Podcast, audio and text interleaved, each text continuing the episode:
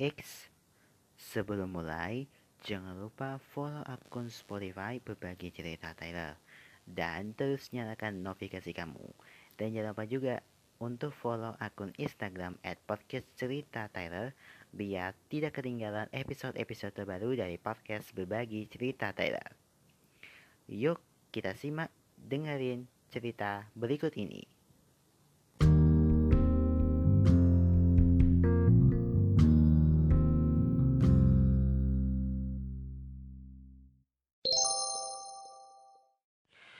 Assalamualaikum warahmatullahi wabarakatuh. Salam semuanya. Selamat menjalankan ibadah puasa buat kamu semuanya. Semoga kami harapkan dalam keadaan sehat selalu.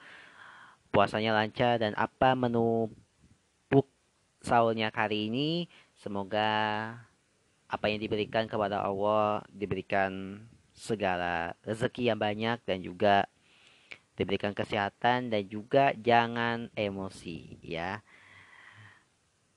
Jangan marah, tetap istighfar dan juga selalu taat kepada Allah Subhanahu wa taala agar kita semua mendapatkan sehat dan juga diberikan umur yang panjang.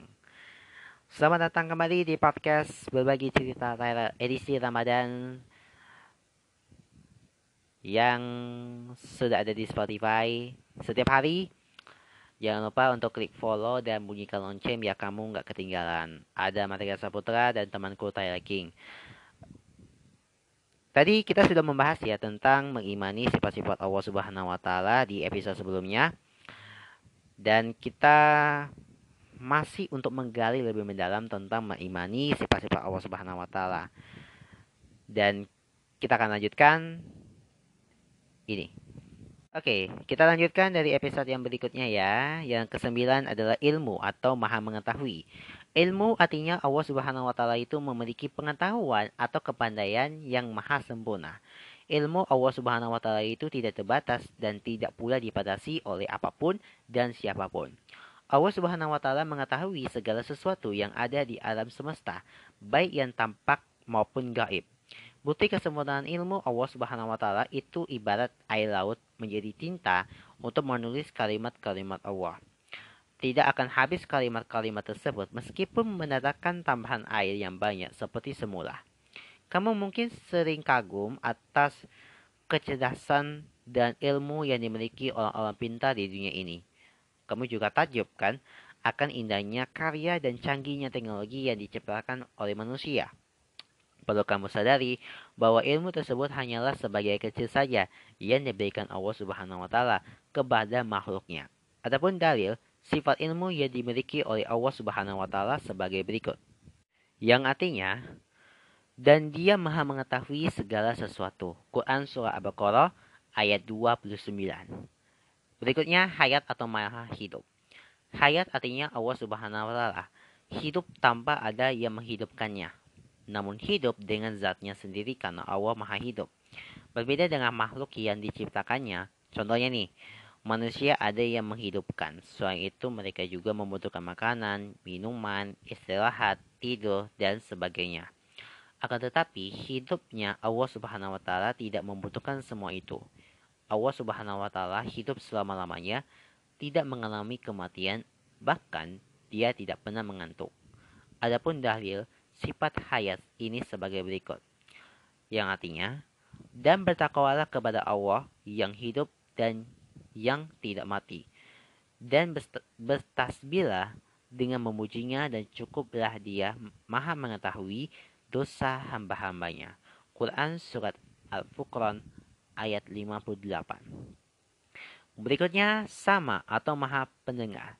Allah subhanahu wa ta'ala mendengar setiap suara yang ada di dalam di alam semesta ini tidak ada suara yang terlepas dari pendengaran Allah Subhanahu wa taala.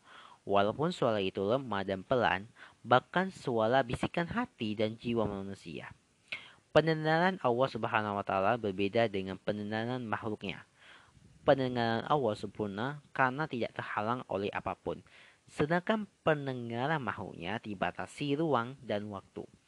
Adapun dahil tentang sifat sama ini sebagai berikut. yang artinya, katakanlah, Mengapa kamu menyembah selain daripada Allah?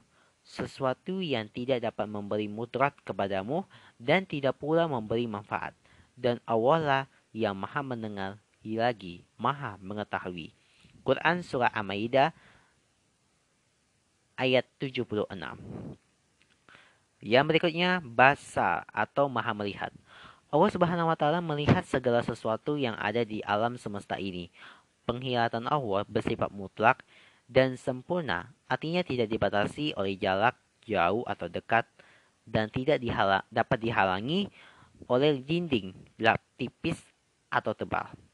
Segala sesuatu yang ada di alam semesta ini, kecil maupun besar, tampak atau tidak tampak, pasti semuanya terlihat oleh Allah Subhanahu wa taala.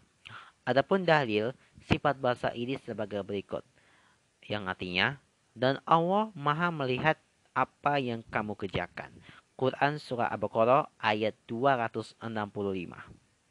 Dengan memahami sifat besar Allah Subhanahu wa taala, hendaknya kita selalu berhati-hati dalam berbuat. Mungkin kita bisa berbohong kepada manusia seperti orang tua, guru, dan teman, tetapi kita tidak bisa bohong tetapi kita tidak akan bisa berbohong kepada Allah Subhanahu wa taala. Karena jujur adalah nomor satu ya guys. Berikutnya, kalam atau maha berfirman atau berbicara. Allah Subhanahu wa taala bersifat kalam. Artinya Allah Subhanahu wa taala berfirman dalam kitabnya yang diturunkan kepada para nabi dan rasulnya. Pembicaraan Allah Subhanahu wa taala tentu tidak seperti pembicaraan makhluk. Allah Subhanahu wa taala berbicara tanpa menggunakan alat bantu yang berbentuk apa pun sebab sifat kalam Allah Subhanahu wa taala sempurna. Bukti sifat kalam adalah bukti sifat kalam Allah adalah adanya wahyu Allah Subhanahu wa taala berupa Al-Qur'an yang diturunkan kepada Nabi Muhammad SAW dan kitab-kitab Allah yang diturunkan kepada para rasul sebelum Nabi Muhammad SAW. Adapun dalil naki tentang sifat kalam Allah Subhanahu wa taala sebagai berikut. Dan Allah berkata kepada Musa, dengan satu perkataan secara langsung. Quran Surah An-Nisa ayat 164. Sebagai hamba Allah Subhanahu wa taala, hendaknya kita membiasakan diri mengucapkan kalimat-kalimat thayyibah, yaitu kata-kata yang mulia seperti tasbih, tahmid, tabbir, istighfar dan tahlil. Berikutnya kadirat. Keadaan Allah Ta'ala yang berkuasa mengadakan atau mentiadakan Allah Maha Kuasa tanpa seorang pun yang dapat menghalangi kekuasaannya. Kekuatan Allah berbeda dengan semua makhluknya tanpa ada pengecualian. Seperti warna kulit dan rambut manusia di dunia berbeda-beda. Demikian pula keanekaragaman flora dan fauna menunjukkan secara akal bahwa kekuasaan Allah tidak akan tidak ada yang dapat mempengaruhi atau mengusap. Mudirat Terciptanya alam semesta dan isinya, baik di darat, laut maupun udara, semua karena kemauan dan kehend atau kehendak Allah. Allah lah yang memiliki kehendak penciptaan dan pelindungan bagi seluruh makhluknya. Aliman, Allah mengetahui segala rahasia tentang kehidupan makhluknya seperti proses kelahiran manusia hingga menjadi manusia yang dapat berbicara, bertindak, dan berpikir. Akan manusia membenarkan bahwa manusia diciptakan oleh zat zat yang maha tahu. Hayan. Bukti adanya Allah maha hidup adalah adanya keteraturan alam ini. Hidup Allah tidak seperti kehidupan manusia. Manusia bernapas, makan, minum, dan mati. Sedangkan Allah selalu hidup dan menghidupi. Saiman. Allah selalu mendengar terhadap segala bentuk suara. Berbeda dengan makhluknya yang pendengarnya dibatasi oleh ruang dan waktu. Kita dapat membuktikan kalau sedang berbicara di dalam suatu ruangan, belum tentu orang lain yang berada di luar ruangan itu mendengar. Bagi Allah, di mana saja ada suara akan terdengar olehnya. Basiran. Allah selalu melihat apa yang dilakukan makhluknya. Jika memperhatikan keaturan alam semesta ini, kita mungkin akan berpikir, oh bahwa tidak mungkin Allah melihat semua. Itulah kelemahan manusia dalam memandang alam semesta, pandangan manusia terlalu sempit sehingga secara tidak sadar mengecilkan kekuasaan Allah. Bukti Allah maha melihat mestinya membuat manusia waspada dalam melakukan perbuatan karena Allah selalu melihat apa yang kamu kerjakan. Mutakaliman Allah selalu berada dalam keadaan berfirman. Mustahil Allah subhanahu wa ta'ala bisu atau tidak berfirman. Allah berfirman dalam kitabnya. Sesungguhnya Allah juga berbicara melalui tanda-tanda seperti banjir, tanah longsor, dan semua kejadian alam ini. Firman Allah yang ada di dalam Al-Quran tersebut disebut dalil naki. Adapun firman-firman Allah berupa peristiwa atau fenomena alam yang terjadi disebut dalil haki. Oke, itu tadi 20 mengimani sifat-sifat Allah Subhanahu wa taala ya, guys. Dan jangan lupa untuk selalu iman kepada Allah karena Allah adalah satu-satunya yang menciptakan langit dan bumi. Assalamualaikum warahmatullahi wabarakatuh. Waalaikumsalam. Bagaimana kabar kalian hari ini? Semoga puasa kalian lancar sampai menuju hari kemenangan Tuhan tiba. Eh, beberapa hari lagi kita menuju hari raya Idul Fitri. Kami segenap Charles, Zora, Z, Tyler, Mata ini mengucapkan selamat Hari Raya Idul Fitri 1441 Hijriah. Minal azin wal faizin, mohon maaf dan batin dan kita ketemu lagi di podcast berbagi cerita Tyler yang sudah ada di Spotify. Ada pendapat ya memang uh, banyak cara menghilangkan cekukan itu secara alami yang bisa janggal di rumah. Namun sejumlah kiat yang mengharuskan orang ya cekukan itu minum atau makan asupan tertentu Hal tersebut tentunya tidak bisa dicoba orang cegukan yang sudah menjalankan ibadah puasa Ramadan. Nah, cegukan sebenarnya ini bisa dihilang dengan sendirinya setelah beberapa saat. Tapi keluar bunyi ceguk dari kerongkongan ini bisa mengganggu aktivitas sederhana seperti berbicara. Sebelum membahas cara menghilangkan cegukan saat puasa, simak dulu beragam penyebab cegukan saat puasa ya. Nah, penyebab cegukan saat puasa yaitu dilansir dari headline, uh, cegukan ini dapat terjadi ketika diafragma mendadak mengalami kejang. Diafragma adalah otot yang membantu pernafasan tubuh. Ketika kejang, tubuh refleks menarik nafas dan pita suara menutup. Lalulah terjadilah cegukan. Selain mengganggu gangguan pada kinerja tubuh, aktivitas sehari-hari juga bisa jadi alasan kenapa kita bisa cegukan antara lain makan terlalu banyak atau terlalu cepat, minum minuman berkarboninasi atau soda, makan makanan terlalu pedas, terjadi perubahan suhu dengan tiba-tiba, stres, dan terlalu emosional. Nah, kebanyakan kasus cegukan ini bisa reda dengan sendirinya tanpa perlu diobati. Namun banyak yang bisa cara mengatasi cegukan tanpa minum yang bisa dijanggal. Cara menghilangkan cegukan saat puasa. Banyak cara menghilangkan cegukan secara alami yang praktis, di antaranya minum air putih dengan cepat, telan sesuatu yang manis, makan sambal atau sesuatu yang pedas sampai mengisap lemon. Tapi solusi praktis tersebut baru bisa dijanggal saat juga dalam kondisi tidak sedang berpuasa.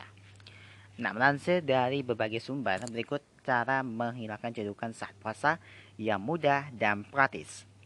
Yang pertama, tarik nafas dan tahan nafas selama 10 detik, lalu keluarkan nafas perlahan-lahan, ulangi sebanyak tiga kali empat kali, ulangi lagi beberapa saat kemudian. Yang kedua, siapkan kantong kertas besi lalu bernapas pelan-pelan di dalam kantong kertas.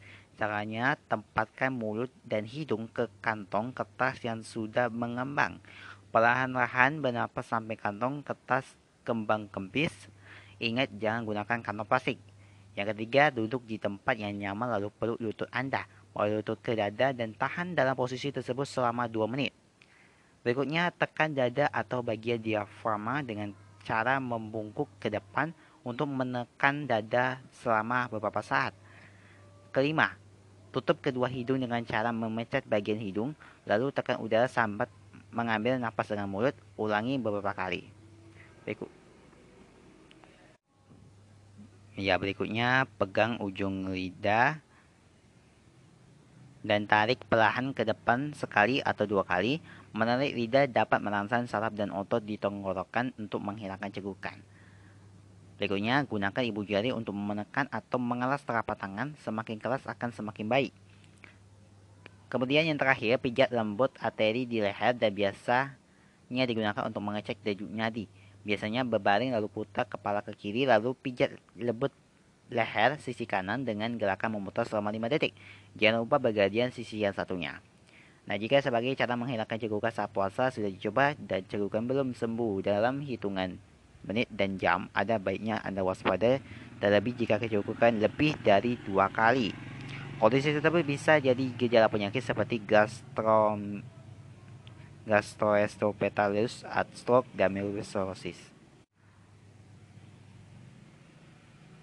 Itu tadi cara menyembuhkan atau cara menghilangkan cegukan saat puasa ya. Semoga bisa menjadi bermanfaat untuk kamu.